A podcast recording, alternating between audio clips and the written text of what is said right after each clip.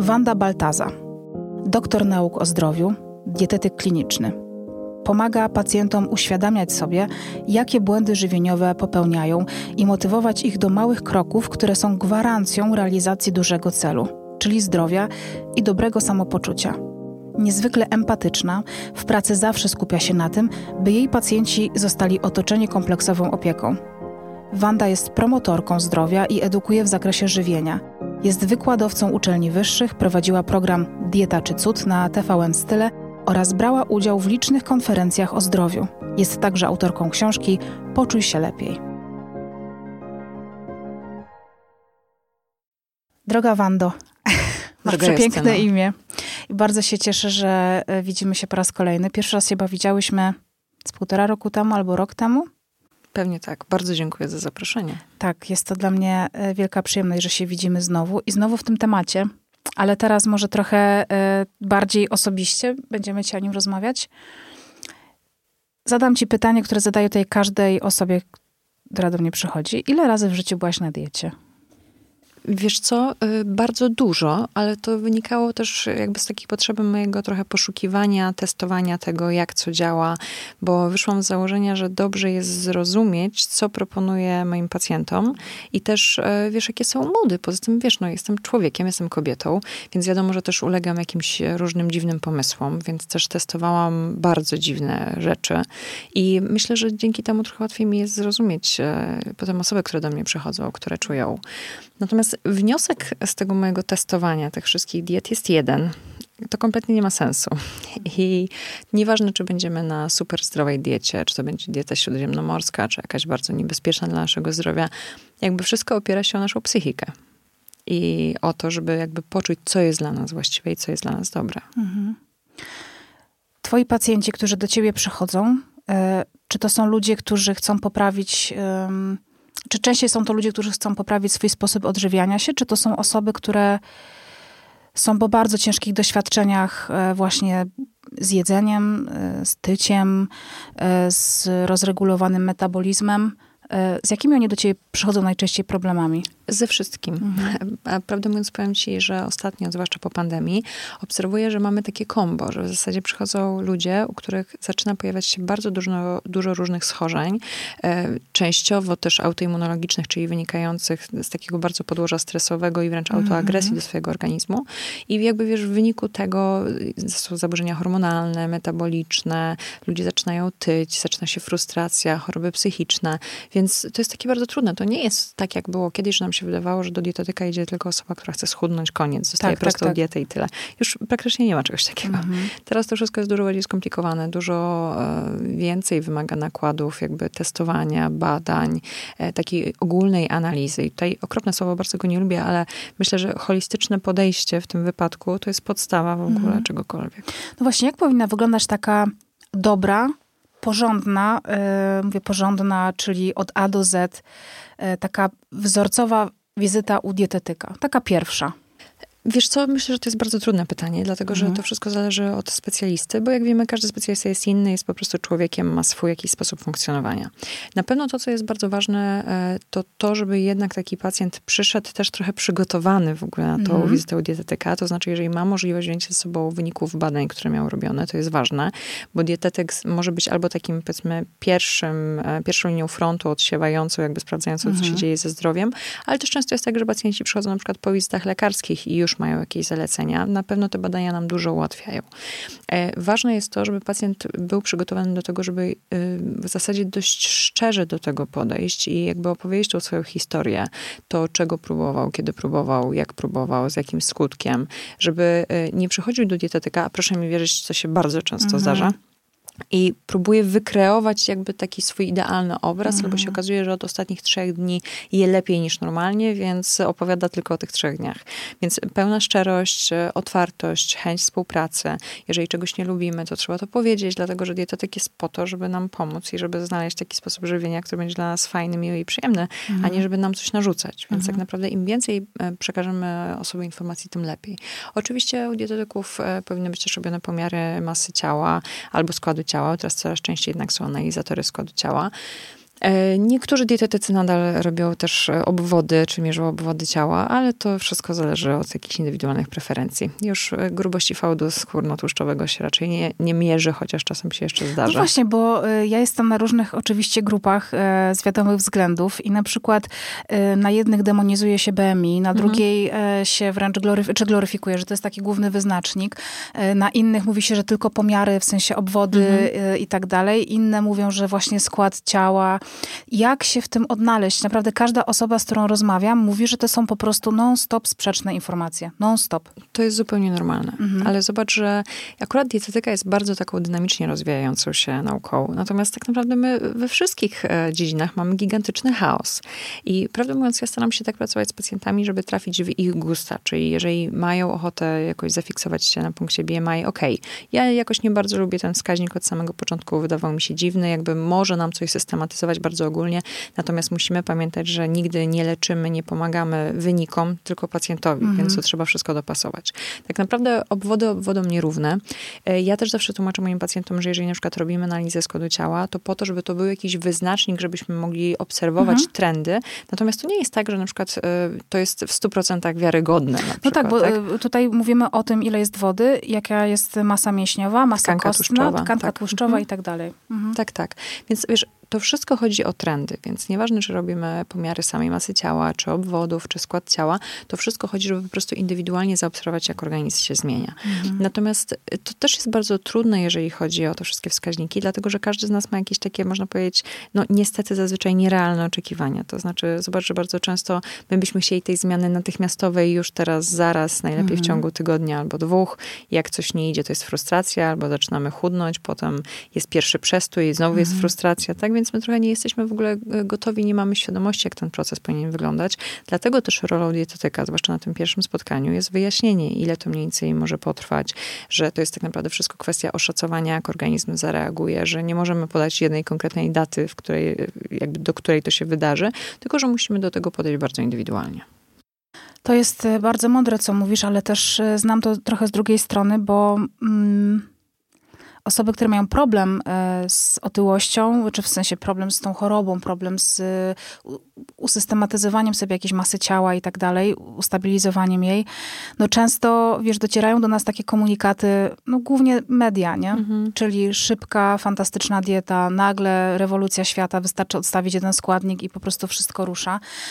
Ja na tych dietach byłam w życiu no, nie, no niezliczoną ilość razy. Mhm. I to były diety redukcyjne, wykluczające, e, głodówki, posty, Bóg wie co. I faktycznie takie radykalne rzeczy mi pomagały, ale na moment. I potem e, były straszne rzeczy. Czy ty jesteś w stanie na przykład wymienić kilka takich e, di, di, diet, które najbardziej szkodzą? W sensie takie, które są Wiesz, no są takie diety, za które się odbierało lekarzom e, prawo do wykonywania są. zawodów. Są tacy. Generalnie zobacz, że mhm. jakby to jest bardzo trudne pytanie, dlatego że w ogóle choroba otyłościowa, czy większość różnych chorób, to są bardzo skomplikowane mhm. schorzenia, w których już jest ten duży stan zapalny, stres organizmu, zaburzenia metaboliczne, hormonalne mhm. i tak dalej, a te diety, część, które wymieniłaś, mogą doprowadzić do jeszcze większych, jeszcze bardziej pogłębionych tych stanów mhm. zapalnych i problemów, tak? No i teraz tak, oczywiście mamy te diety takie monoskładnikowe, czy te bardzo mocno redukcyjne, takie, które są poniżej 1500 kalorii, ich ogromną wadą jest to, że one są niedoborowe. A my musimy pamiętać, że to nie jest tylko i wyłącznie tak, że my do życia potrzebujemy energii. Nie, my potrzebujemy tych wszystkich składników, makroskładników, mhm. witamin, składników mineralnych, które będą dopiero wpływały na prawidłowe procesy naszego organizmu. Więc w momencie, kiedy widzimy, że jakaś dieta proponuje nam jedzenie samej kapusty, no to super, ale niestety to nie będzie dla nas zdrowe, mhm. to nie mhm. będzie dla nas dobre. I to, o czym mówisz, te diety mogą dawać efekt, ale jest to efekt chwilowy, który zaraz jest odwracalny albo wręcz mhm. nawet z dodatkowymi kilogramami coś może wrócić. Więc wiesz, tutaj to przede wszystkim chodzi o taką dużą rozwagę w tych wyborach.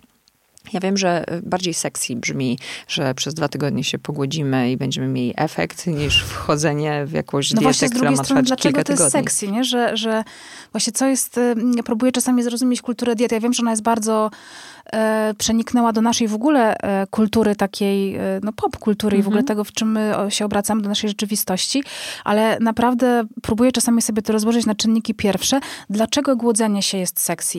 Dlaczego, wiesz, ta odmówienie jedzenia jest nagle takim, wiesz, taką jakąś siłą, jakbyś był jakimś mędrcem, którego... No dobrze, ale zobacz, no. w jakiej kulturze i religii my się wychowaliśmy. Jakby mhm. u nas głód jest cały czas i bardzo często głód był gloryfikowany. Zobacz, nawet jakby w religii ta mhm. kultura mhm. Post, tak. ascezy, tak. postu, to jest coś dobrego. I my wyrastamy w tym wszystkim, mhm. tak? Zobacz, że nasz, nasza w ogóle kultura jest bardzo trudna przez naszą historię, tak? Bo z jednej strony sarmaci, zastaw się, postaw się, potem wielokrotne głody Głód. przez mhm. wojny i zobacz, że to w nas pokutuje, tak? Że zobacz, że my byliśmy jakby chowani, myślę, że ty też słyszałeś takie rzeczy, zjedz, bo dzieci w Afryce głodują, tak? Oczywiście, albo zjedz, tak. bo nie będzie, mhm. albo nie można marnować daru Bożego i tak dalej. Znaczy, my mhm. jesteśmy tak, cały czas tak, chowani tak. w tym, że, że to jest jakaś świętość, że w ogóle jest to jedzenie, tak? A jak się głodzisz, to jesteś w ogóle, wiesz, prawie święta, tak? tak. Więc to jest myślę, że też bardzo trudne.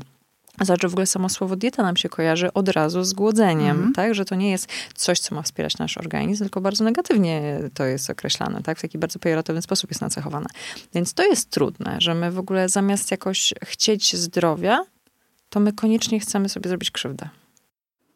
Okropne to jest. Że to, w sensie, no, człowiek, ja rozumiem, że człowiek sięga po zdrowie, bo wszędzie jakby docierają te komunikaty właśnie, że E, że otyłość jest chorobą, e, ale też może rozumianą trochę w zły sposób, bo ja mam wrażenie, że my mm, zwiększoną masę ciała dajemy znak równości e, i przystawiamy to do otyłości. W Polsce, mhm. jakby w naszym języku, powiedzenie, że ktoś jest, że, że nie wiem, jest otyłość, to znaczy, że jest grubość. Tak. Że człowiek jest otyły. Nie choruje na otyłość, tylko że jest otyły. I teraz, czy otyłość to jest choroba, która e, występuje dopiero wtedy, kiedy my jesteśmy już grubi, czy to jest choroba, która się zaczyna wcześniej? To zależy. Mhm. Bo zobacz, że mamy różne typy nadwagi i otyłości. Dlatego, że oczywiście są osoby, które y, świadomie, nieświadomie jedzą za dużo złych produktów i to jest powiedzmy ta prosta forma otyłości. Mówiąc o złych produktach, mówisz na przykład źle zbilansowana dieta, źle zbilansowana tłuszcz. dieta, mhm. słodycze, fast food, mhm. te negatywne wybory, takie jednoznacznie mhm. negatywne. Tak i wtedy wiadomo, że zamieniamy te proste produkty na lepsze, wszystko jest w porządku. Natomiast to, co poruszyłaś, to też to jest choroba otyłościowa, czyli bardzo poważne zaburzenie, które powoduje, że nawet jeżeli jemy jak wróbelek, to tak czy siak te kilogramy będą się pojawiały prawie że z powietrza. Zobacz, jak tak. często osoby osoby mówią, że ale przecież ja nic nie jem, a ty je. Tak? Wiesz co, podczas pandemii e, ja e, tak się stało, że jak był pierwszy lockdown, mieszkałam u mojej siostry, w sensie mhm. tam się zatrzymałam. I to był taki moment, kiedy było apogeum mojej, czy tak zaczęło się takie ostre już tycie. I ona, e, ja z nią po prostu mieszkałam, żywiłam się normalnie tak, jak się żywiłam i ona mi pewnego dnia powiedziała, ja nie wierzę, Justyna, to jest po prostu niemożliwe, ty jesz mniej niż ja, moja siostra jest po prostu taka, a ty po prostu jesteś taka, jaka jesteś, nie? I nawet mm. ja się u niej więcej ruszałam, bo ona miała małe dzieci, wchodziła nawet częściej na spacery, a po prostu ta waga, wiesz, przybierała, przybierała, przybierała. Mhm. I słuchaj, zobacz, że to jest bardzo powszechny problem mhm. teraz i to jest bardzo poważne zaburzenie hormonalne, metaboliczne. Mhm. To nie do końca jest twoja wina, że tak się wydarzyło, tylko są różne teorie oczywiście, skąd to się bierze. Niektórzy mówią, że tylko na, na poziomie jakby właśnie tego uogólnionego stresu. Inni mówią, że to się mogło wydarzyć już w życiu płodowym. Jest taka hipoteza Bakera, która mówi nam o tym, że jeżeli matka nie dojadała w czasie ciąży, była zestresowana dużo, wymiotowała i tak dalej, to wtedy jest zmieniony, słuchaj, w ogóle gospodarka jakby karmienia, przepływu energii przez ciało płodu jest tak, że większość jakby tej energii idzie do mózgu, przez co jest upośledzone rozwijanie trzustki okay. i wątroby i dziecko rodzi się od razu mhm. E, jakby przyzwyczajone do tego, że musi być w stanie niedoborów, bo jak jest nawet normokaloryczna dieta, to będzie tyło. O oh, wow. Więc wiesz, tutaj takich jakby wręcz przerażających elementów jest mnóstwo. Mhm. Żyjemy w czasach, kiedy nie mamy gotowości na stres, bo jakby my jednocześnie, jednoznacznie musimy sobie powiedzieć, że stres jest dobry, bo gdyby nie stres, to byśmy dalej siedzieli na tak. gałęziach, tak? No, jakby, no stres nas ostrzega tak. przed niebezpieczeństwem, motywuje do działania. W ogóle mhm. tak napędza nas do życia. Natomiast my nie mamy gotowości na stres. Coraz więcej mamy stresorów, bo żyjemy też w czasach takiego trochę komfortu, jakby mhm. nie przyzwyczailiśmy się do tego, co to są prawdziwe zagrożenia mhm. i dużo mniejsze rzeczy traktujemy jako coś bardzo poważnego. Więc one się wydarzają notorycznie. Więc one się wydarzają notorycznie. I zobaczmy, mamy już zaburzenia hormonów i kortyzolu, i adrenaliny. Nie jesteśmy w stanie poradzić sobie z tymi hormonami. Te hormony wpływają na wszystkie inne ścieżki, więc jakby tutaj tych elementów psucia się organizmu przez stres mhm. mamy bardzo dużo. Tak? Zobacz, że nasz tryb życia się zmienia. Ten lockdown też był bardzo ciężki. Ludzie byli w takim panicznym strachu wręcz. Nie wiadomo było, co się dalej wydarzy.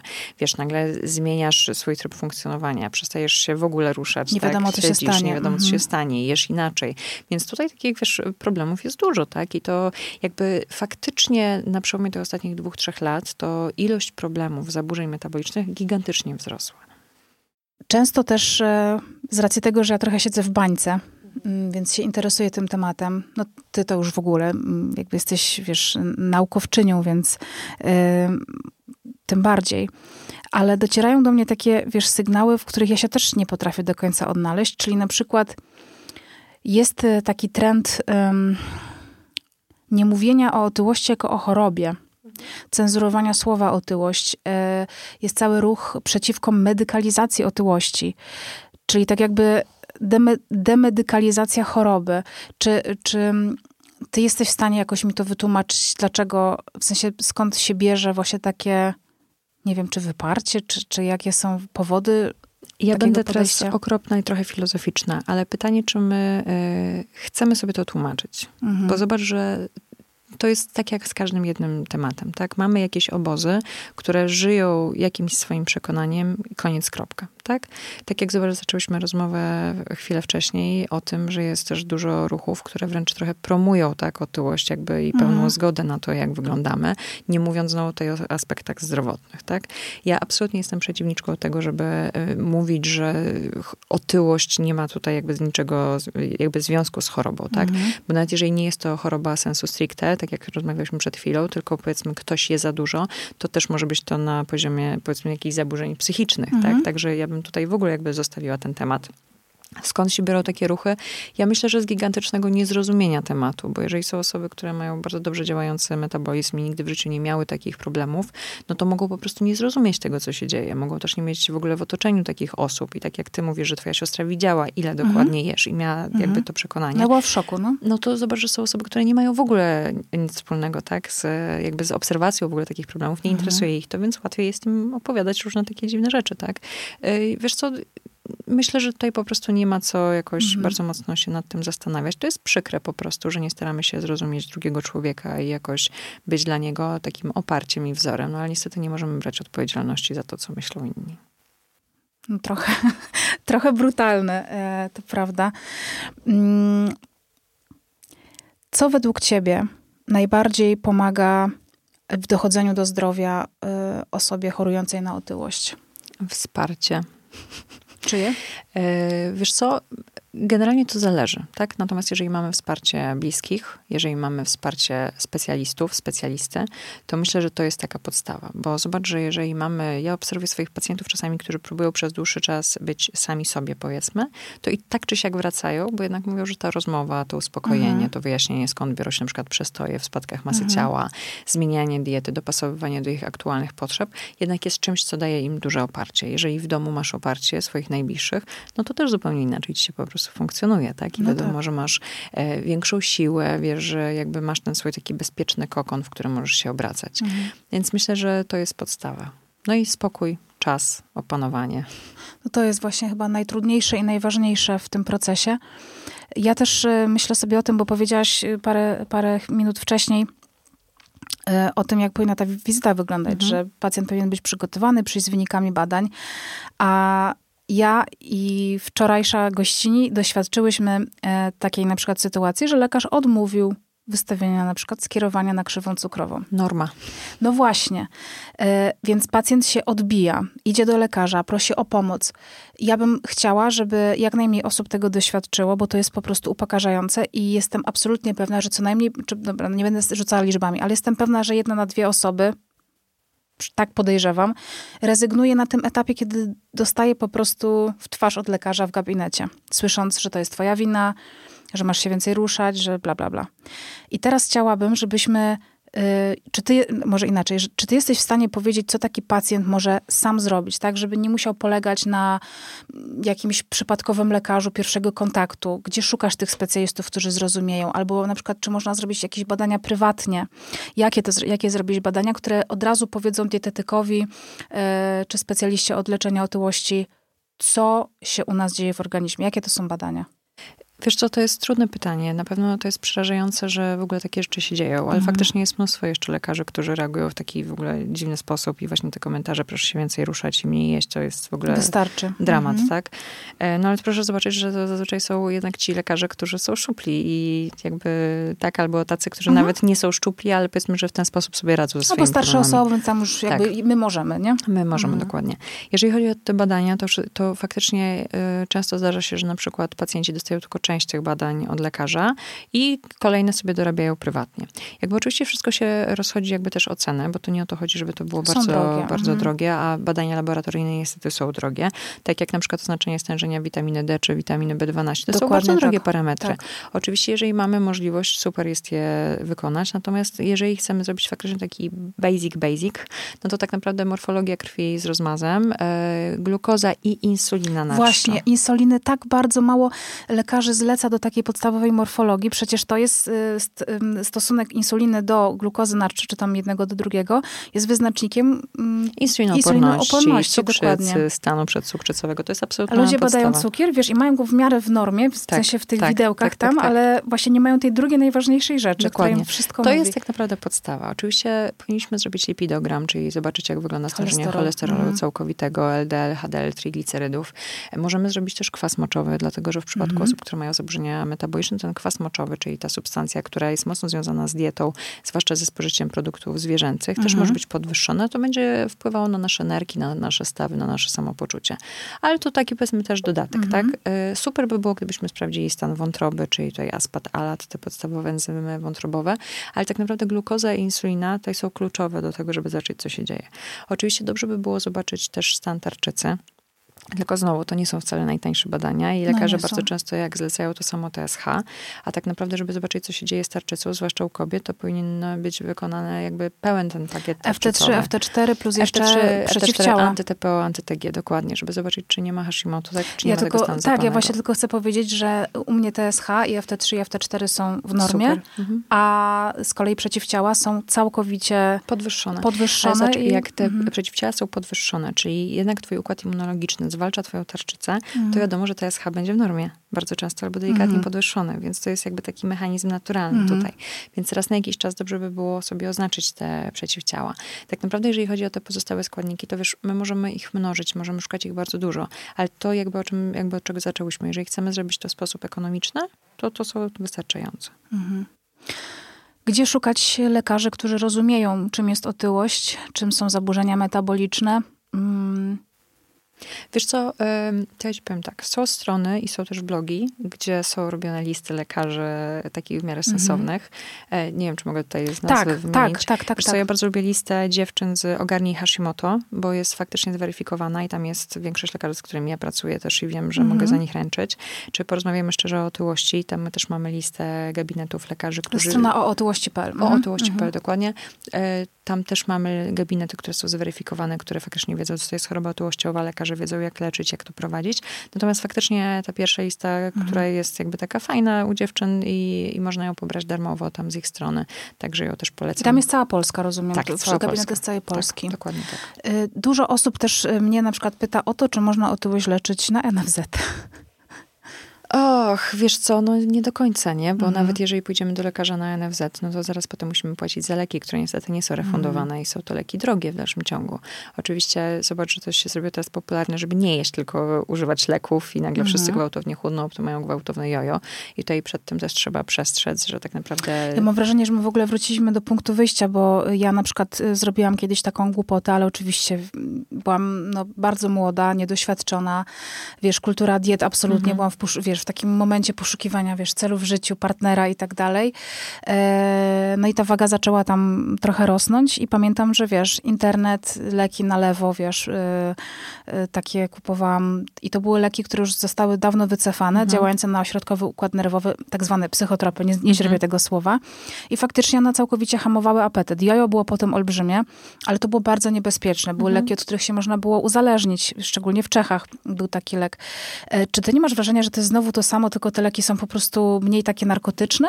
E, trochę tak. Mhm. I wiesz co, ja ci powiem, że ja jestem przerażona. Ja jak pracuję z pacjentami, oczywiście w porozumieniu z lekarzami, to nigdy nie dajemy tych leków na dzień dobry, mhm. tylko najpierw pacjent musi zobaczyć i nauczyć się jeść, musi chociaż trochę zrozumieć funkcjonowanie swojego organizmu, musi chociaż trochę schudnąć na diecie, mhm. dopiero wtedy możemy włączyć dodatkowo mhm. leki.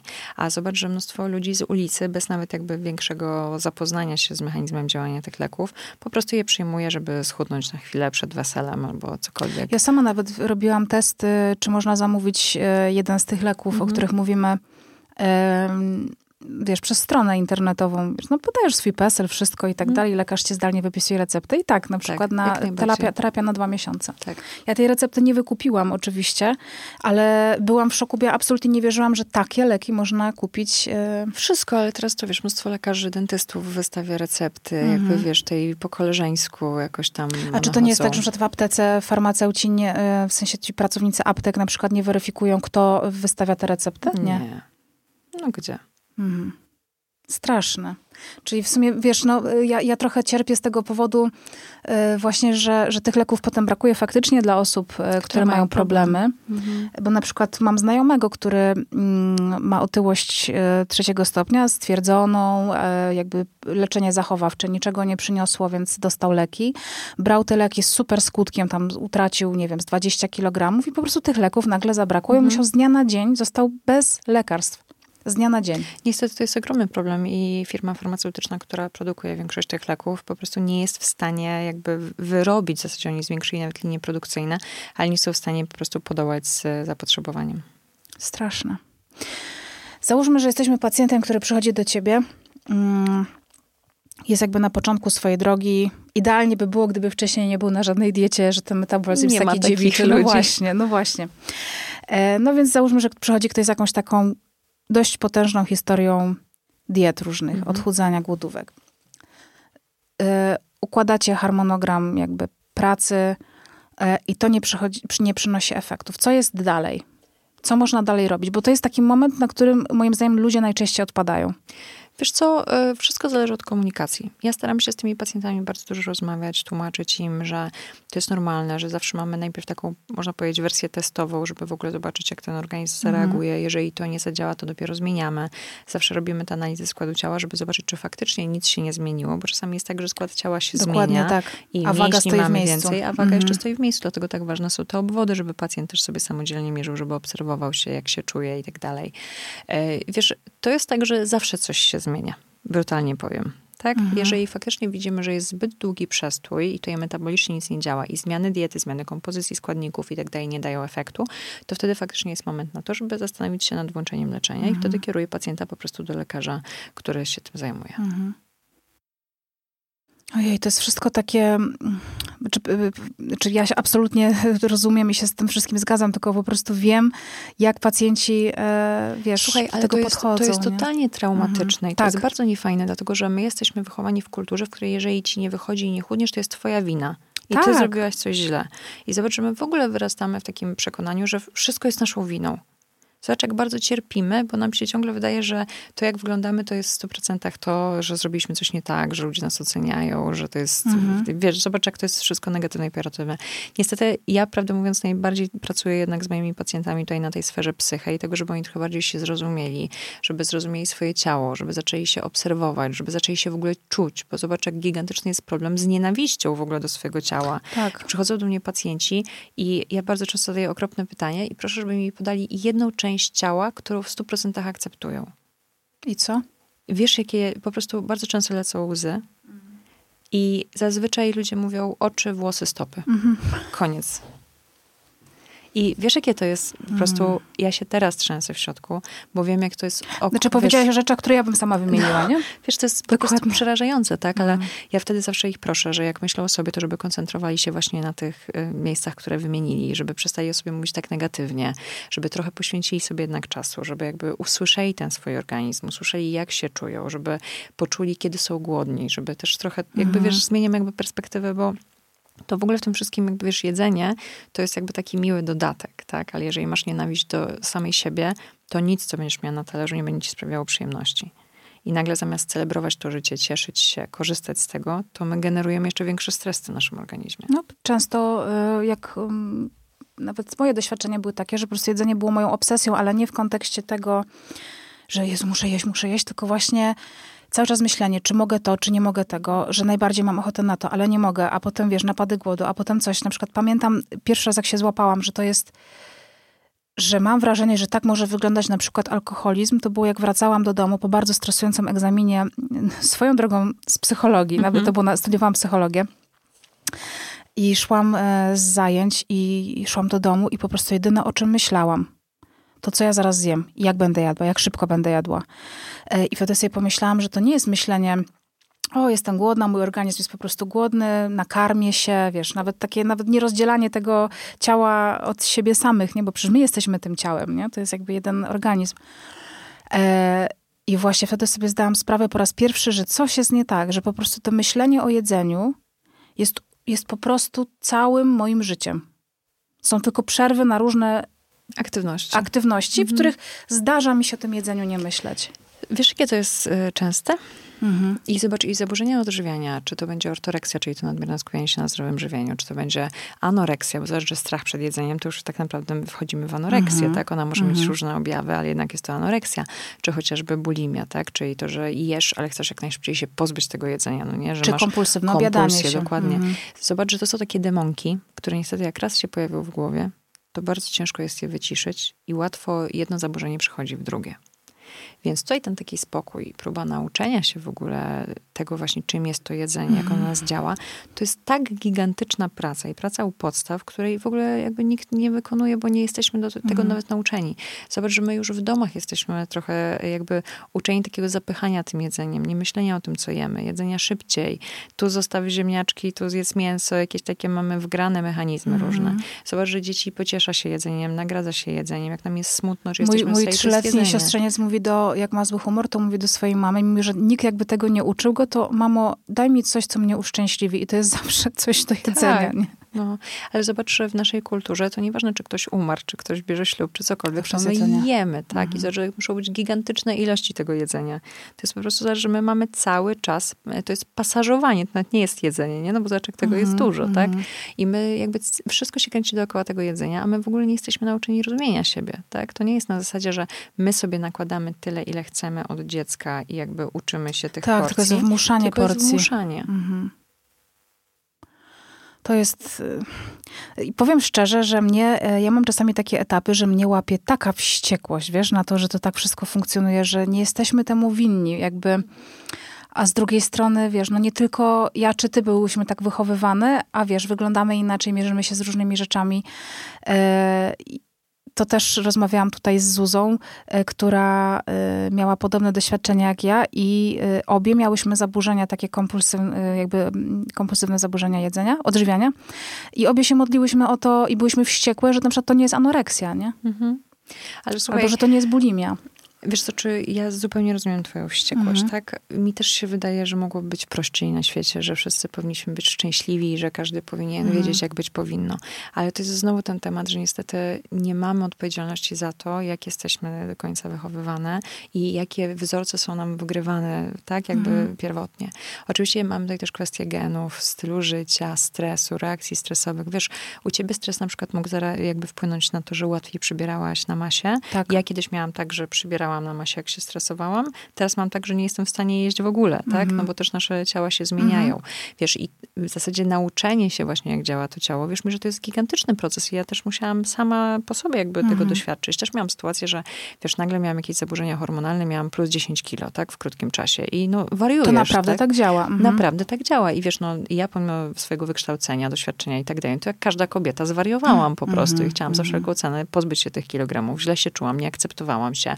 Próbowałam też przeróżnych przedziwnych metod, więc wiesz, no, takie rzeczy się zdarzają. I tutaj w zasadzie dopiero jak odpuścisz głowę i zaczynasz być jakkolwiek szczęśliwa i zaczynasz trochę akceptować, trochę zwalniasz, co jest bardzo mhm. trudne, to dopiero ten organizm puszcza. Odpuszczasz głowę, czyli te wszystkie nakazy, zakazy, to co musisz, to co trzeba, tak? To co nakazy, powinnaś? zakazy, mhm. dokładnie. Bo zobacz, że my żyjemy w ogóle w takiej kulturze, też jakby tutaj dietetycy bardzo się przyłoży, jakby mhm. przyczynili do tego, że tak jest, że nam się ciągle wydaje, że my czegoś nie możemy, że coś jest złe, że mhm. coś jest zakazane. Mhm. Słuchaj, ja na Instagramie praktycznie nie obserwuję żadnego dietetyka, bo bym chyba zwariowała po prostu od tych wszystkich filmików, że to jest złe, to jest dobre, tu możesz mhm. kupować, tu nie możesz kupować, to jest okropne, od tego umrzesz. Zobacz, że my cały czas jakby mielimy ten temat jedzenia w taki bardzo niefajny sposób, zamiast właśnie jakoś trochę tak normować ten sposób żywienia, jakby pokazywać, e, jak w ogóle wybierać, jak w ogóle mhm. oceniać to, kiedy mamy apetyt, kiedy nie mamy, na jaką porcję mamy apetyt, to my ciągle mamy taką bardzo ostrą politykę zakazów, nakazów. No ale wiesz, a potem na białym koniu wjeżdżają lekarze, którzy mają takie konto na Instagramie mhm. i oni po prostu, wiesz, mają dwie metody. Mhm. Odstawić węgle i mhm. jeść, y, robić okienka żywieniowe. Mhm. I po prostu ludzie, ja notorycznie dostaję linki. Czemu ty sobie zrobiłaś operację? Wystarczy, wystarczyło e, zrobić to, to i to, nie?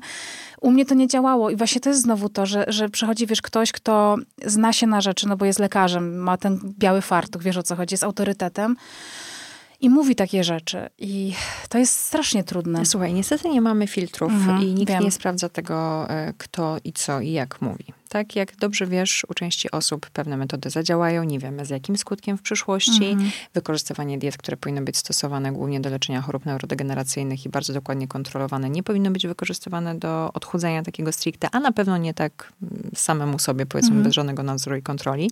E, to jest przerażające, co się dzieje i jak ludzie promują różne rzeczy. To jest też mhm. przerażające, ilu jest lekarzy w Polsce, powiedzmy magików, do których ustawiają się kolejki, którzy też leczą bardzo jakby tutaj dużymi miksami hormonalnymi hormonalnymi. Więc e, wiesz, to jest wszystko trudne, tak? Oczywiście możemy mieć niezgodę co do tego. Mm, możemy wiem. próbować to normalizować, jakby tłumaczyć, jakby modlić się o to, żeby ci ludzie, wiesz, jakby nie porobili sobie krzywdy. Ale tak jak były wcześniej różnego typu diety i mm. też były boomy i wszyscy się bardzo jakoś tam nimi ekscytowali, to miejmy nadzieję, że tutaj też ta moda minie.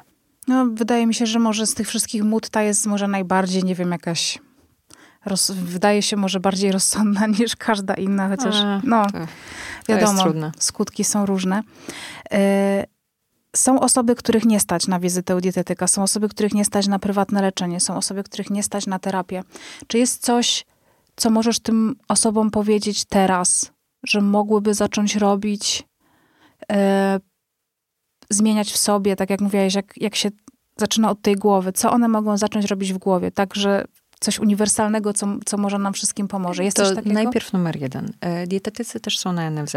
I mhm. też mamy strony chociażby rządowe, tutaj Narodowe Centrum e, Edukacji Żywieniowej, to się tak ładnie nazywa, gdzie też mamy dużo porad i diet do takich do pobrania. I też są konsultacje telefoniczne z dietetykiem darmowe, który też pomaga tutaj dobrać no to e, wow. jakby tą dietę. Mhm. Więc powiedzmy, że my takie narzędzia mamy. Oczywiście one nie są hiper rozwinięte, nie są bardzo rozpromowane, ale coś jest, tak? Więc jakby tutaj ta opcja skonsultowania się być mhm. powinna. Zobacz, że na NFZ też możemy pójść do lekarza rodzinnego. Pamiętajmy, że lekarza rodzinnego możemy zmienić nawet kilka razy w roku, więc tutaj, jeżeli mamy od koleżanki mm. poleconego lepszego, to mm. warto się zastanowić, czy Wiesz, ale są zmienić. sytuacje, że ktoś mieszka w małym miasteczku i kolejny ośrodek tak. zdrowia ma, Oczywiście. wiesz, trzy miejscowości dalej. No. Natomiast tak jak mówię, w internecie mamy powiedzmy takie źródła, żeby było w miarę okej. Okay. Natomiast e, tak ode mnie. Numer jeden, zwolnić, Numer dwa, zacząć trochę kontrolować to, co jemy, bo my bardzo często nie zwracamy uwagi na ilość spożywanych posiłków. To znaczy, możemy albo sobie zacząć notować, albo robić zdjęcia tego, co jemy. I trochę A znam obserwować... taką osobę, która robi zdjęcia i ci je wysyła non stop. No, no tak znam jest taką. dużo takich osób. no właśnie.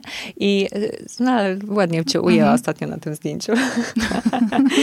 no, natomiast y, to jest bardzo ważne, żeby troszeczkę się poobserwować, jak się czujemy po tym jedzeniu. Po których posiłkach pojawia się na przykład senność, po których się pojawia ochota do jedzenia czegoś, mm -hmm. po których mhm. pojawia się ochota na coś słodkiego, mm -hmm. bo to już nam będzie sugerowało na przykład insulinooporność po jakich posiłkach na przykład mamy wzdęcia, bóle brzucha, problemy z brzuchem, tak jakieś nadmierne reakcje litowe i tak dalej. Więc taka sama ocena czasami pozwala nam też uchwycić, że na przykład za każdym razem jak przechodzimy obok stołu, to z miseczki bierzemy sobie cukiereczki, orzechy, różne inne rzeczy. I tego nie wliczamy, bo to jest I tylko jeden wliczamy. orzeszek. Mhm. Dokładnie, tak? Albo pijemy słodkie napoje, albo coś jeszcze innego i w zasadzie nagle się okazuje, że my to jemy ciągiem, nie mamy żadnych przerw między posiłkami, tylko ciągle coś tam wpada do tego brzucha.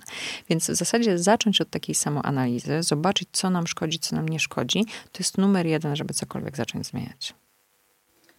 Bardzo Ci dziękuję, Wanda, że do mnie przyszłaś. Trzymam kciuki e, oczywiście i za Ciebie, i za Twoich pacjentów, i za wszystkie osoby, którym nasza rozmowa mogła pomóc i może pomóc. E, I dziękuję Ci, że się tak wypowiadasz zawsze w tematach otyłości i jesteś e, bardzo ciepła i pełna zrozumienia dla bo kocham ludzi i to mm. mówię ci zupełnie serio i uważam, że każdy jest po prostu fantastyczny i trzeba po prostu dotrzeć do jego tak naprawdę potrzeb. Mm. I tutaj przede wszystkim chodzi o to, żeby być fajnym, dobrym człowiekiem żeby ta współpraca faktycznie wychodziła. Dać sobie czas. Naprawdę Dokładnie. nigdzie się Troszkę wolniej. Śpieszy, tak. Troszkę wolniej. A lato i tak nadejdzie. Ależ oczywiście. dziękuję ci bardzo. Bardzo ci dziękuję.